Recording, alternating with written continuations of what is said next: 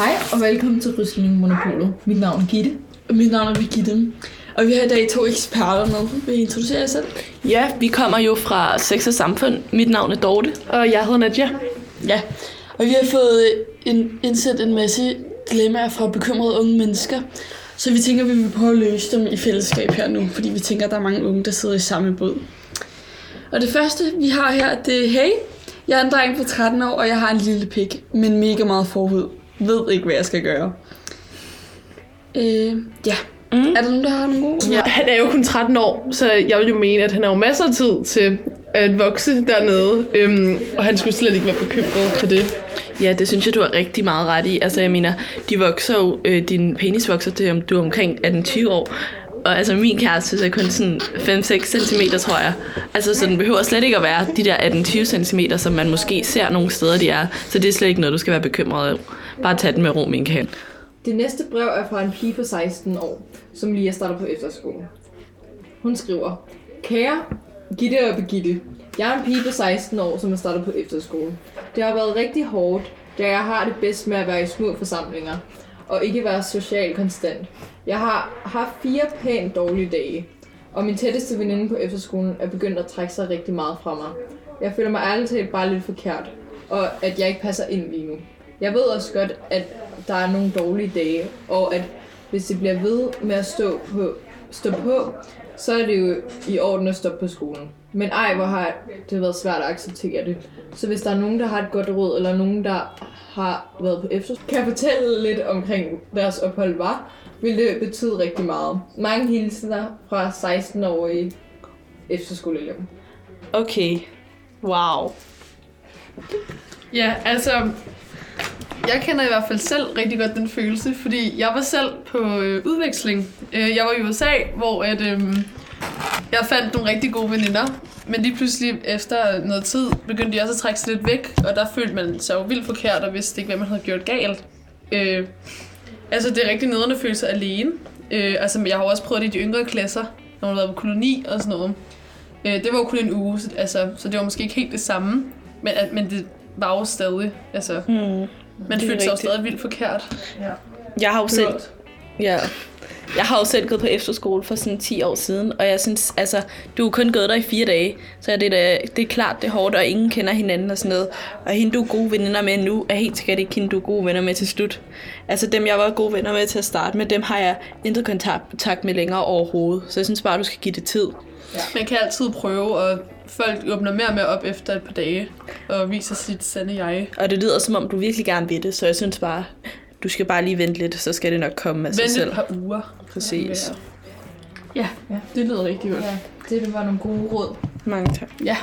Og så har vi endnu et fra en øh, dreng på 23 år, der har et dilemma her.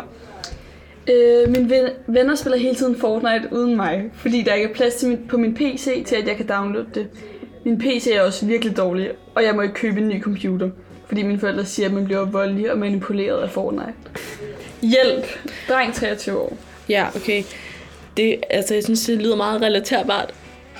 Jeg synes, det er meget relaterbart nok for mange. Altså, jeg tror, jeg tror helt klart, det kan er den eneste, der har været i den her situation. Jeg kan også selv altså, mærke, at det er noget, jeg også selv prøvede, da jeg var yngre. Det her med, at jeg godt vil være med til at spille nogle spil. Men det er jo som om, at mine forældre stoppede mig. Det tror jeg slet ikke er unormalt. Men nu, hvis du er 23, så er det jo dig selv, der bestemmer. Det Hvad det. tænker du om det? Altså? Jeg vil jo mene, altså sådan, han er jo 23 år gammel. Øhm, du skal ikke lytte til dine forældre. De har faktisk ikke rigtig noget at skulle have sagt i den her situation. Øhm, bare, altså hvis din drøm virkelig er bare at game Fortnite, så altså virkelig, go for it. Altså virkelig. Det kan jo, altså, det kan jo udvikle sig Jamen, til noget selvfølgelig, kæmpe stort. Altså drømme, virkelig, ja. spare op til nye computer. Altså virkelig, gør alt, du Ja. kan for at spille det Fortnite. Altså det er jo mega fedt. Mm. YOLO, Du kan virkelig blive til Jo, noget stort. virkelig. Ja. Jo, jo, altså virkelig. Mm.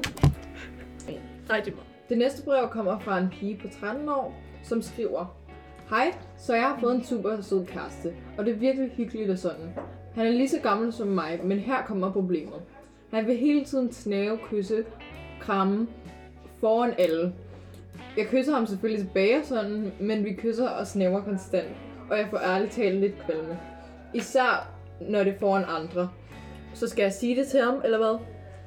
Altså, Wow, der vil jeg jo, altså sådan, når du ligefrem får det skidt af det, altså så måske prøve at forklare ham på en venlig måde, at øh, det er måske lidt for meget, og det godt kan blive lidt voldsomt en gang imellem. Øhm, fordi altså, i bund og grund, der overskrider han jo græn- dine grænser. Øhm, en masse grænser, hvis der du får det klamt over det, eller skidt. Altså, hvad tænker du? Øh, ja, det synes jeg, du har helt ret i. Altså, det er jo fint nok, at han giver dig et enkelt kys foran andre, når I er sammen. Altså ligesom for at vise, at I hører sammen på en eller anden måde. Det er jo meget sødt. Men altså...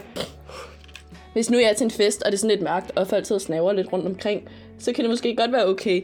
Men bare sig til ham, at seksuelt kysseri og snav, det hører altså til med privatlivet. Og det er ikke noget, du vil have i offentligheden. Det er helt okay at sige. Fordi det er jo faktisk et øh, overgreb, hvis du ikke siger ja. Ja, det var jo nogle rigtig gode svar fra Dorte og Nadia. Tak. Tak skal du have. Okay. Det næste, det er et dilemma herfra. Ja. Kære Birgitte og Gitte, der er kun to i min klasse, der ikke har Snapchat. Det er mig og en anden pige. Men nu er det kun mig, og jeg føler mig virkelig udenfor. Det er en klassechat, og jeg har flere gange mistet sjove ture og fester, fordi de aftaler det i gruppen. Jeg har snakket med mine forældre, men, jeg vil, men de vil ikke have, at jeg får Snap. Jeg har forklaret, hvordan jeg føler. Har I måske en idé til, hvordan jeg kan overtale dem til at give mig lov? Altså, øhm, Hilsen pige 13 år. okay. Ja. øhm, Hvad har I at sige? Ja, altså, hun er jo 13 år gammel, øhm, og der er måske nogle forældre, der synes, det er lidt for ungt. Men hvis hun bare fortæller sine forældre, hvordan hun har det, og hvorfor det er, hun så godt at Snapchat. Altså, ens forældre vil jo altså det bedste for en. Men stort Nadia, set. Nadia, det havde hun jo gjort. Nå, det havde hun gjort. Okay, nå. Øhm, ja, så at hun havde sagt alt. Ja, hun havde sagt. Der, er- altså, det er jo lidt en rebelsk måde, det her. Ja. Bare download det, uden de finder ud af det jo. Ej, uden de Nadia, ved din det. fjollegøj. Nej, det er jo helt crazy, det her. Nej, men du kan også prøve at sige det til din lærer, tror jeg. Hvad tænker Vi du kan om have en det? dyb snak om Ja. det i, klass, i klassen, fordi Ja. jeg tænker vel også, det er Måske lidt lave en beskedgruppe i stedet aftale noget hele Ja. klassen. Altså, jeg mener, når man er 13 år, det er også meget ungt for Snapchat. Det må man jo faktisk ikke. Nej, det Det er må jo man jo faktisk godt nemlig. Jo, man Nej, det er jo 14. Nej, jeg er 13. Nå, Okay. Så synes jeg, hun skal sige det til Sofie Volter. Så kan de simpelthen ikke give lov til ikke at gøre det. Nej, og så hvis de tager den i klassen, så må de, læ- læreren jo skrive til forældrene. Og så hvis det er, så kan de jo altid lave den på beskeder, hvis det går Det helt det, jeg galt. tænker. Ja. Ja, det synes jeg er en rigtig god Eller idé. bare invitere hende, når det er, der sker noget. Ja, du må sige det til nogle af dine venner. Det Jeg må håber, forstå. det kunne hjælpe. Okay, nu har vi aftens sidste brev, Uh. øhm, som skriver. Hej, Gitte og Birgitte. Det er en, der er en pige i min klasse, som jeg hader mere end alt i verden. Helt seriøst, hun er en møjso. Jeg, jeg hører K-pop, har tre K-pop-veninder i 9. klasse. Parentes, vi går i 7. Som har inviteret mig med på deres dansehold, hvor de danser K-pop-danse. Hende, jeg hader allermest i verden, hater på K-pop. Siger de grimme, har intet talent, danser af helvede til, synger dårligt, og at det er klam musik og alt muligt. Men nu vil hun fandme selv starte til danseholdet. Altså kan den møgso ikke lære at passe sig selv, eller stoppe med at blande sig i andres liv og ødelægge deres glæde. Jeg er pisse fucking lorte røv møg sindssygt træt hende, og i hvor har jeg lyst til at slå hende ned. En god råd til, hvordan jeg måske kan ignorere hende. Jeg sulter fandme mig selv ihjel, hvis hun ikke snart forsvinder til langt bort i sådan. Pige 12 år. Okay, det første vi skal sige er i hvert fald, at sulte sig selv, det er ikke noget, som man skal gøre. Det er aldrig løsningen. Nej. Men øh, vi kan da lige tage det op nu. Øhm, jeg elsker jo selv K-pop. Hvad? Men det var... Nej. Ja, jo. Nej. Det, det er ikke vores mening, der skal op nu. Nej, Men det er det ikke. jeg elsker i hvert fald selv K-pop, og jeg, så, sådan, jeg kan virkelig godt forstå, hvad du mener. Det der med sådan nogle fake fans, der ligesom prøver at komme ind. Altså sådan, det kan jeg mega godt forstå, men samtidig, hvis hun lige pludselig har set, hvor godt det er, og hun ligesom prøver at komme ind i den her kultur, så skal du da også lade hende opleve den her fantastiske verden, som K-pop jo er. Altså, det er jo, det er jo, det er jo en helt livsglæde og en helt altså, en livsstil. Så altså, hvis hun virkelig vil være ind til det her, så synes jeg, du skal lade hende. Men hvis det er sådan fake, så synes jeg, at det er okay, hvis du måske Holder han lidt uden. Ja. ja, Ja, gør men, noget øhm, oprør, ignorerer hende. Altså, nu jeg lige her, men øhm, ja, det kan jeg lade synes virkelig, virkelig, virkelig ikke. Altså, ej, nu skal min mening jo heller ikke på bordet. Men Nej, det skal den. nu, altså, jeg tænker måske, i stedet for at ignorere hende, altså man kunne prøve at snakke med hende. Mm. Øhm, altså, hvad hun måske ellers kunne være med til, om der er noget andet, hun vil. Altså, jeg ved godt, jeg kan godt mærke på dig, at du er ikke så glad for hende af pigen. Øhm, men det kunne da være, at du skulle prøve at give hende en chance og se, hvordan hun er. Fortæl lidt med hende. Altså, øh, det kan være, at hun er enormt usikker, eller et eller andet. Der kan jo være en bagside af alt det her. Altså, det er jo ikke... Altså, det er, jo- du skal jo ikke blive bedste venner med hende her.